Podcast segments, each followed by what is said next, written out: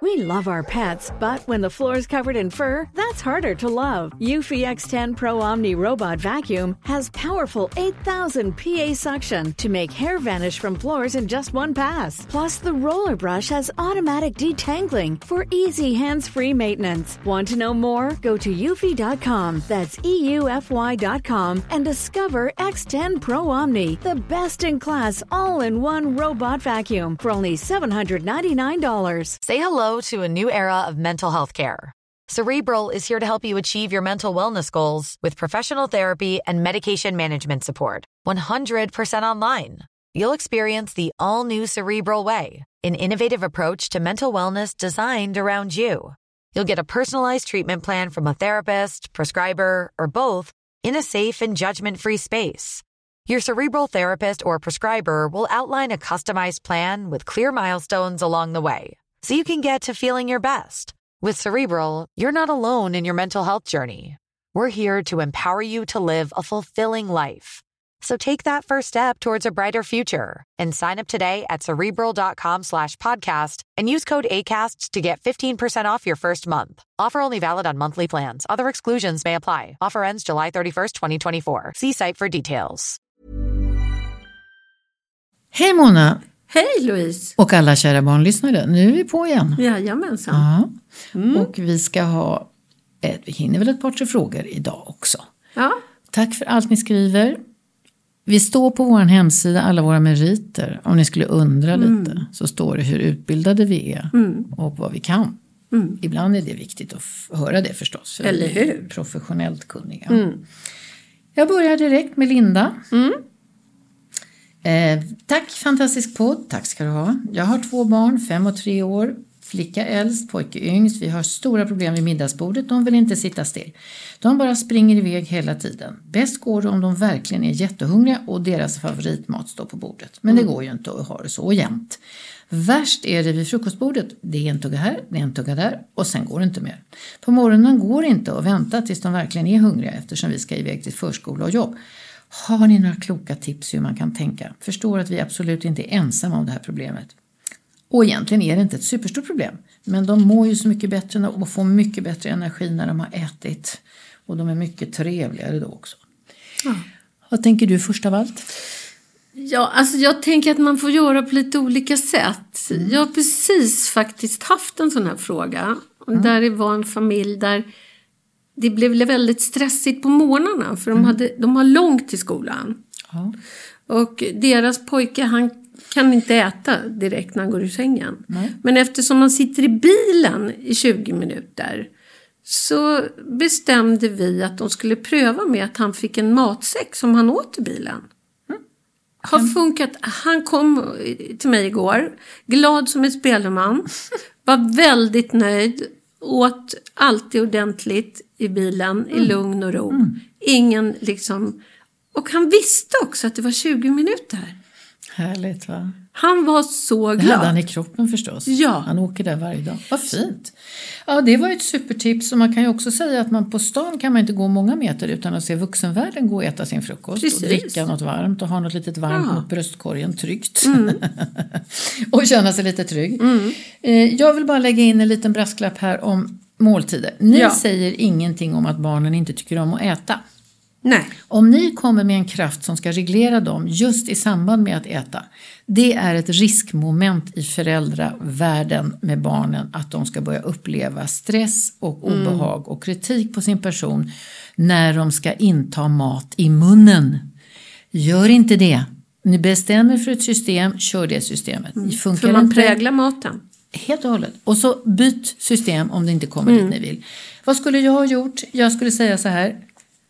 De här ungarna älskar eh, fruktsmoothies. Där häller jag ner en äggula och lite annat kul. Aderdroppar, hela prylen. Någon stackars fiber någonstans, kanske, vad vet jag. Sugrör. Kan det hjälpa? Ja men toppen, det är en jättebra frukost. Suga, kopplat till att man är liten. Suga betyder att jag kommer upp ur min säng på morgonen och kan inte vara stor på en minut. Det går Nej. inte. Mm, Det är det gamla, jättehärligt. Så det skulle jag backa på. Och där kanske de inte behöver sitta vid bordet? För jag kan tänka att det är en vuxenbehov. Ja, det är ett vuxenbehov. De är fostrade så själva troligtvis. Ja. Man sitter till bords. Och Den här härliga, underbara italienska familjen får ni vänta med några år. Mm. Det kommer sig. Varför går jag till bordet när jag är tre år? Jättehungrig. Ja, kommer när jag är mätt, då går jag från bordet. Och det går jädra fort att bli mätt. Inom loppet av halva portionen så är han mätt. Mm. Och han kommer att kompensera det här fyra timmar senare vid ett lunchbord. Mm. Han kommer inte att svälta ihjäl. Nej. Morgonen ska man absolut inte propsa på ätande. Många kan ju inte äta på Fråga om morgonen. de vill ha vällingen tillbaka Ja. ett litet tag. Det är ju kanon. Ja, det finns det. Min pappa han hade morgonvälling tills han var urgammal. Vet du, det är ingen slump att vi ger gamla, gamla människor välling. Nej, de vill, älskar ju det. Ja. Och det finns massa näring i det. Man kan Ja. stoppa in näring också i det. Och så tänker jag så här. Vad är det bästa du tycker om? Det här tycker jag bäst om på frukost. Bra. Det behöver inte vara croissanter som är varma. Det kan vara något annat. Vad vill du ha på morgonen? Ja. Och barn är så näringsfattiga, på, är väl inte ordet, utan det är mer att de har inte fått upp blodsockernivån tillräckligt mycket för att vara energiska. Annat än att de stissar till sig för att ni har så stressigt runt omkring. Så att då kanske de kan säga det här är min bästa. Ja men gör den då bästa. Och det här tipset om i bilen eller i barnvagnen. Det går jättebra att äta där. Perfekt. Var lite okonventionell så tror jag att du kommer lösa det där. Bara för att ni måste undvika konflikter runt matbordet. Ja. Så får ni vara hur uppfinningsrika som Precis. helst. Mm. Och så Och- beröm dem när de klarar en frukost. Och jag tycker att man, när man äter middag, att man, att man låter barnen äta. Och sen när de vill så får de gå ifrån. Ja. Men däremot kanske inte störa de vuxna som sitter Nej, kvar. det är en bra grej. Man sätter sig ner och man eh, tänder små ljus och man gör Ja. fint på middagsbordet. Och det kan ju också gå över till att man lägger fram det de tycker om och så får de ta det själva. Att Mm. man inte har portionstänket. För då tittar man hela tiden på ett fat och så undrar man varför det inte är uppätet. Mm. Och det älskar ju ungar i regel. Att man liksom har små byttor med gurka och med Precis. någon med tomat eller broccoli eller vad man nu har. Inte så dumt att servera det i samma skål som man har lördagsgodiset. Till exempel. För då präglas ju, skålen är ju präglad på godis. Fantastisk idé. Mm. Broccoli och geléhallon. Ja. Vad fint! Ni kommer klara det där jättebra. Ni lät så positiva tycker jag också. Ja. Och det, hon skriver ju att det är inget stort Nej. problem. Jag tror att ni inte gillar stressen. Se framförallt först vad ni tror om det. För om ni stissar runt så stressar ungarna runt. Man ska alltid först tänka så här, gud vad jobbar jag med? Vad håller jag på med? Det är det första ni ska tänka när ungarna stökar runt. För det smittar. Helt! Tänk själv hur man blir när man har någon bredvid sig som är helt, sitter längst fram på stolen och är hur stressad som helst. Okej, nästa fråga. Min sjuåriga dotter har börjat äta på tok för mycket mat. För mycket står det, det står inte mat. För mycket. Utropstecken. Hon tar stora portioner, hon roffar åt sig mat i smyg, vi säger åt henne men hänvisar till onödigt matsvinn. Hål i tänderna och så vidare. Men jag är också orolig för att hon ska bli överviktig om hon fortsätter så här. Hon är normalviktig skriver mamman och oroar sig för att hon ska bli överviktig. I nuläget är hon normalviktig, aktiv tjej med många aktiviteter. Hur ska vi förhålla oss, prata med henne om det stora matintaget? Du ska inte förhålla dig, du ska ta reda på varför du försöker banta en unge innan hon har blivit överviktig. Det är mammans eget problem, tänker jag.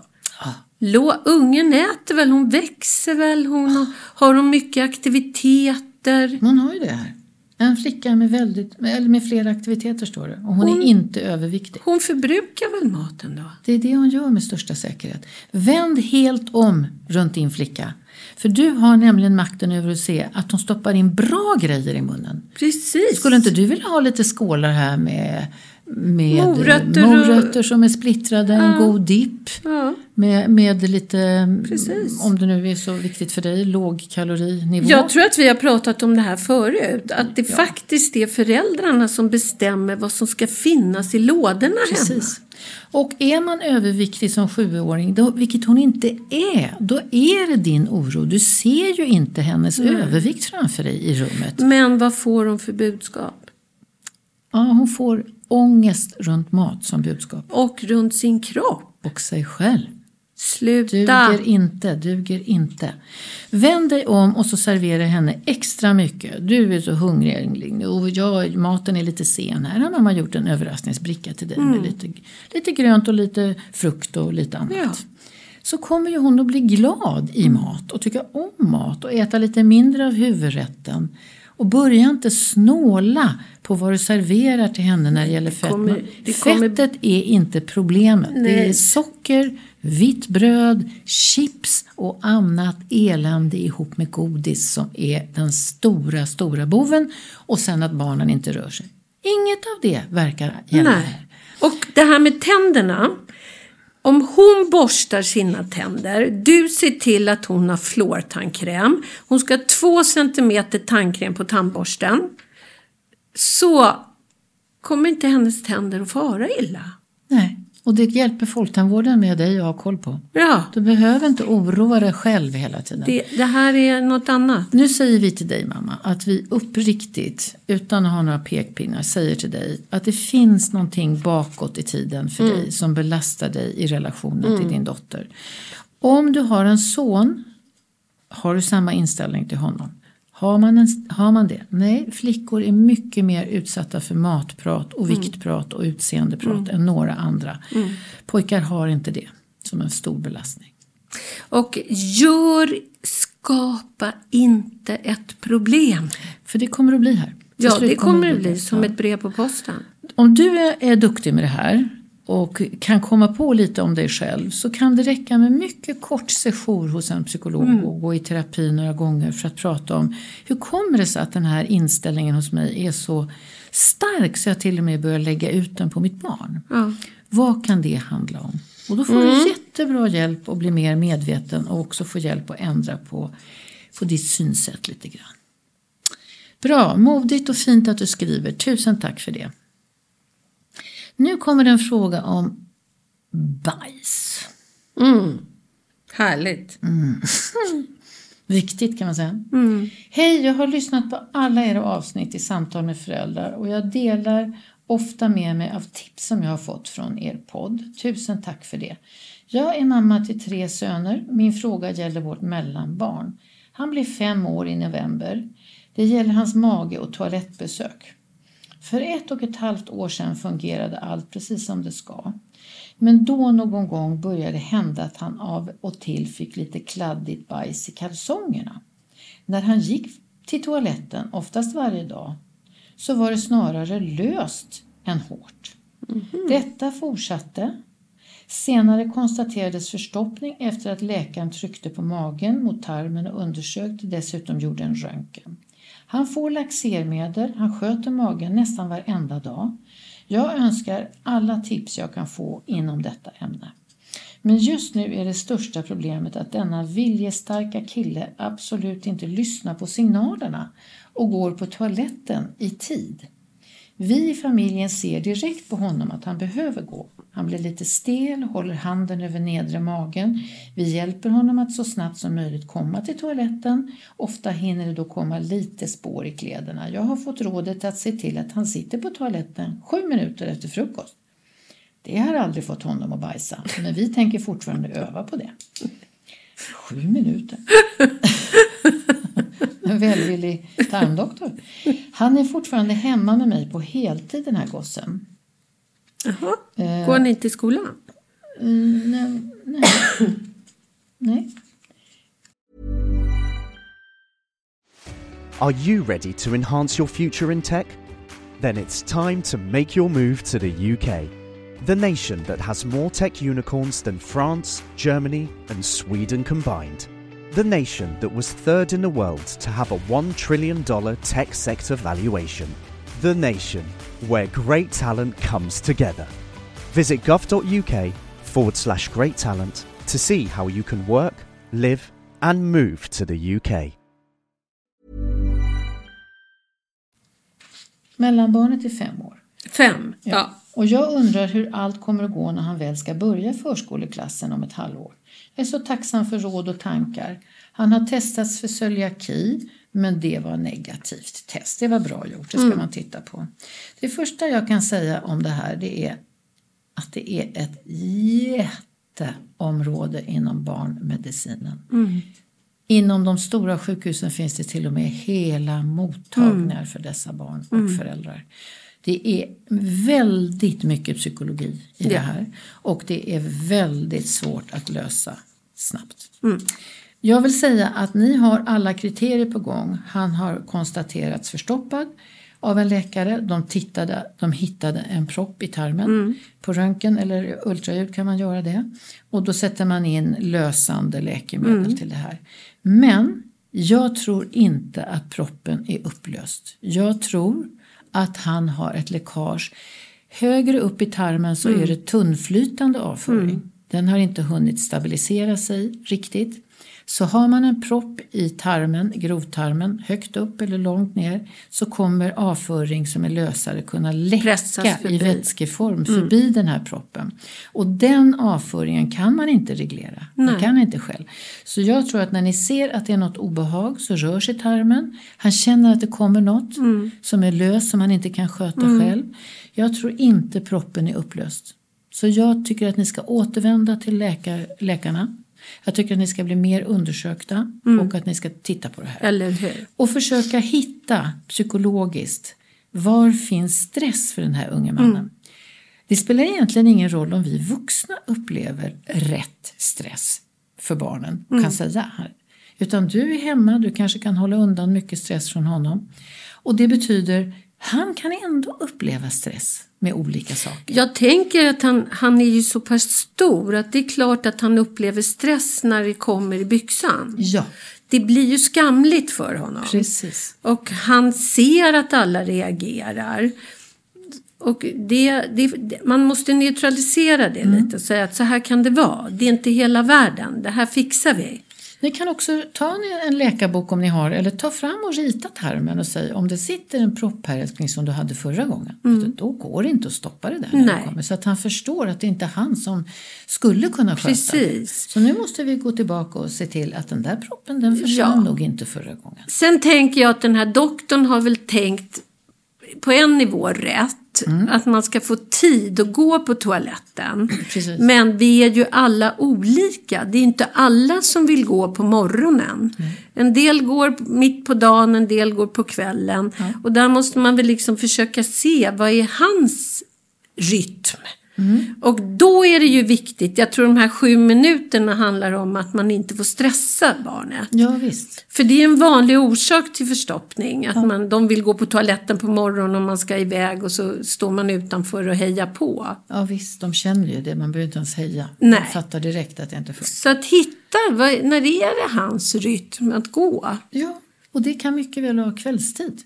Och det finns många ungar som vägrar att bajsa på förskolor och vägrar att bajsa hos mormor och sådana där saker. Och i skolan där det inte finns Ja. lås och sådär. Och då kan tarmen också ställa in sig på det. Ja, Eh, jag vet inte, ja. Nej men jag tycker att det är en jätteviktig sak att inte låta det vara där det är och att den här laxerande läkemedlet kommer inte att bita på en propp. nej. Utan man måste kolla det. måste man skölja ur tarmen. Ja, och sen får man väl tänka på att den här gossen ska äta kanske lite rå äh, äpple, alltså Mm. sånt som håller tarmen igång. Ja, alltså det finns ju någonting i mataffärerna som, vi får göra lite reklam här helt Ja. enkelt. Det heter Proviva och innehåller väldigt många bakteriestammar. Mm. Och som för väldigt många människor har en helt avgörande betydelse för att deras tarm fungerar. Precis. De är stillasittande i jobbet, Ja. de äter ganska mycket Ja. annan mat än att den mest nyttiga. Mm. Men om det här tas varje morgon, ett halvt glas eller ett glas. Mm. Nu vet inte jag om det finns doseringar på de paketen, om de är rimliga och kan användas. Men det kan man fråga barnavårdscentralen om. Men troligtvis räcker ett glas. Att det räcker ja. Ja. Ja, ja det räcker till vuxna så Ja. det räcker definitivt Ja. till barn. Kanske ett halvt bara. Precis. Det är också något sånt här vardagligt efter att ni har konstaterat Mm. det här med propp, proppen. För det är hoptorkad jättehård avföring som lägger sig. Och den löser inte upp sig av Mm. Nej. eh, där utan då får man ha ett lavemang och få ut den. Mm. Jag hoppas att ni får, kan ta er in på den där enheten.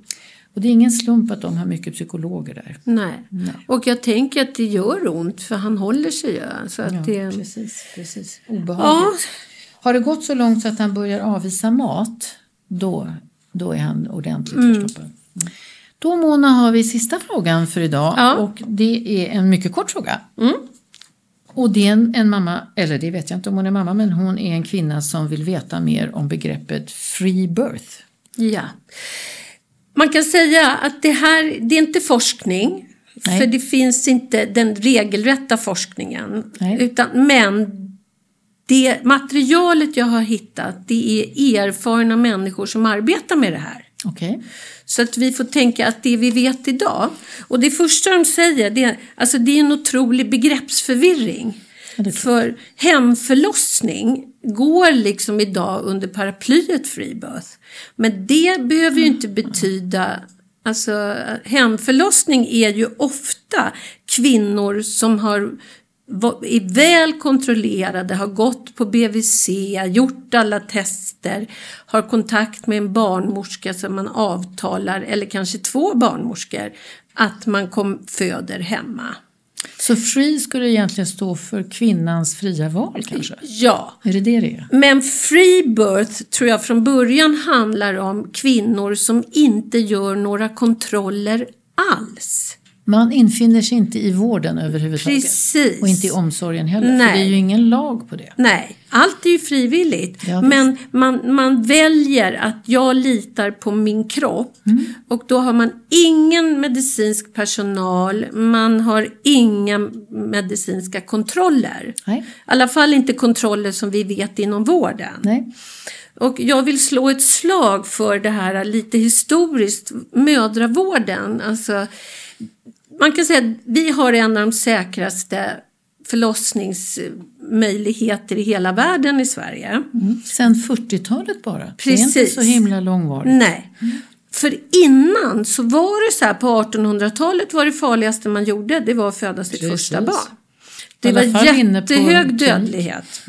Men då, då är det så att egentligen är det ju inte förlossningsavdelningen som räddar utan det är mödravården Ja.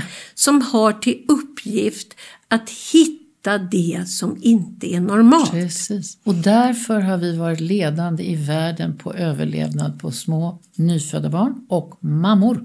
Precis. Och det är tack vare svensk mödrahälsovård som är petig och noggrann och undersökande och letar efter en nål i en höstack eftersom friska svenska kvinnor ofta i Sverige är befolkningen ofta välnärd och välmående. Ja. Och de som inte är det är ungefär 5 och de har ofta så allvarliga sjukdomar och problem så de är under lupp i sig medicinskt, Ja. hjärta, diabetes och massa andra Ja. saker som man kan ha. Och jag tänker att det som är problemet tror jag egentligen, det är att vården kan bli väldigt oaccepterande till att man tänker annorlunda. Absolut. Att jag tror att om vi gav kvinnorna möjlighet att påverka, att antalet besök, alltså, Känna, Ja. förlösa någon som precis. känner en. Ja. Alltså, jag vill hjälpa dig att kunna föda hemma om inte... Ja. Då Så- skulle man kunna tänka att du i det lägger in ett, en, en parameter av att det är någon sorts protest också. Att Ja, jag tror Ett det. statement på något Ja. sätt, för mig i alla fall. Precis. Ja. Och att jag tänker att inte ta någon medicinsk vård alls är ju att ta risker. Där kommer ju då, i alla fall spädbarnsdödligheten ökar risken. Mm. Och även för mödrarna kommer den att öka. Nej. Och det, alltså, om jag själv är jättefrisk och har det bra så kan ändå saker hända. Ja, och det har ju vi ju med många års erfarenhet från förlossningsavdelningen faktiskt varit med om. Mm. Men vi, vi, vi ska också komma... Va, vi vet inte hur många som Nej. föder hemma. Nej. Men det kanske rör sig om 100 till 200 förlossningar på 100-120 000. Mm. De, de, nästan alla av de som föder är väldigt pålästa. Mm. Under, de har kontroll ut i fingerspetsarna. Mm. Kvinnorna. Vi ska lita på dem.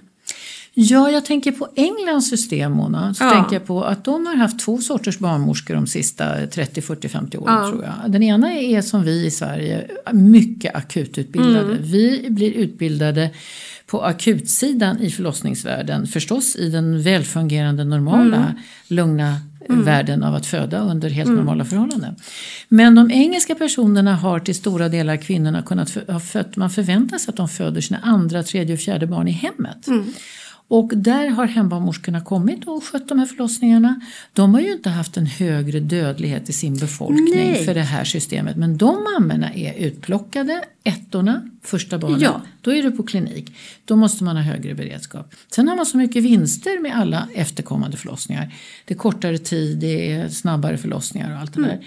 Så att där anser man sig i en frisk eh, icke-sjuk patient så behövs inte det. Mm. Nej. Så då var det en viss procent som alltid födde sina barn. Och jag vill faktiskt citera en barnmorska som jobbar med det här som säger så här. Det är så väldigt mycket prat om säkerhet under förlossningen men det lyfts inte många fingrar för att göra hemförlossningen säkrare i Sverige. Det är ju inte sjukhuset som föder fram barnet, det är kvinnan som är gravid och som föder barnet. Varför skulle hon inte ha rätt till vård utifrån de egna förutsättningarna? Mm, jättebra kommentar. Ja, det tycker jag Jättebra. med. Utan att faktiskt vara varken för eller emot. Men, men jag tänker att... Och jag är övertygad om, erbjöd vi mammorna den vården de vill ha så skulle de allra flesta inte avstå från medicinska kontroller. Nej, det skulle de inte. Det gör inte moderna människor. Nej. Vad Så. bra. Tack för det. Då fick Slut. vi eh, bena lite i det där. Mm. Tusen tack och tack för idag. Därmed slutar vi för idag. Ha det Hej gott. då. Hej då. Hej alla mammor och pappor, skriv klart!